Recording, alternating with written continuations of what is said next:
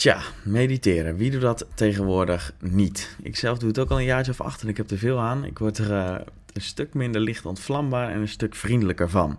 En eigenlijk hoor je alleen maar goede geluiden over de voordelen van mediteren. Tot Chi vertelde in het volgende fragment dat mediteren ook negatieve gevolgen kan hebben en soms zelfs slecht kan zijn. Joe. Nu weet ik dat je niet altijd positief bent over mindfulness.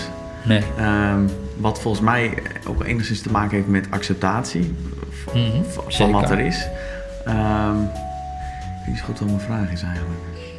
Nou, je probeert die, die twee te rijmen.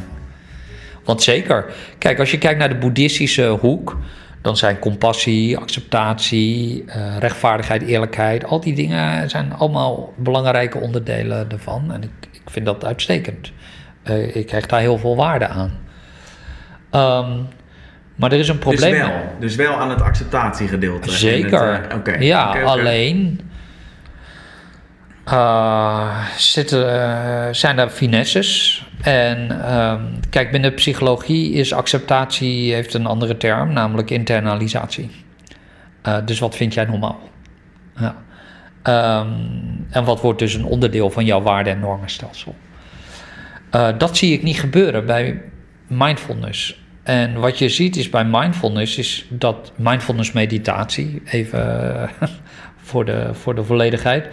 Ehm, bij mindfulness meditatie is er sprake naar van observeren van je gedachten en emoties zonder oordeel.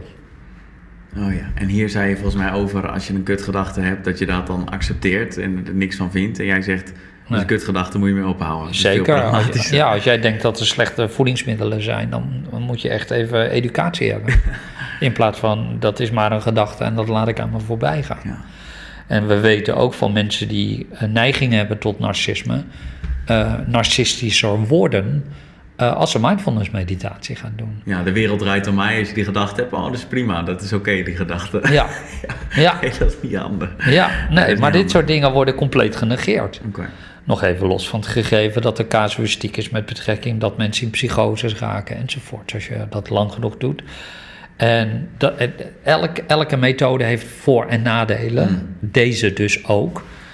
Eh, en ik denk dat vooral mijn irritatie komt dat de, het bespreken van nadelen dus niet kan. Eh, mensen hè, willen dat niet horen.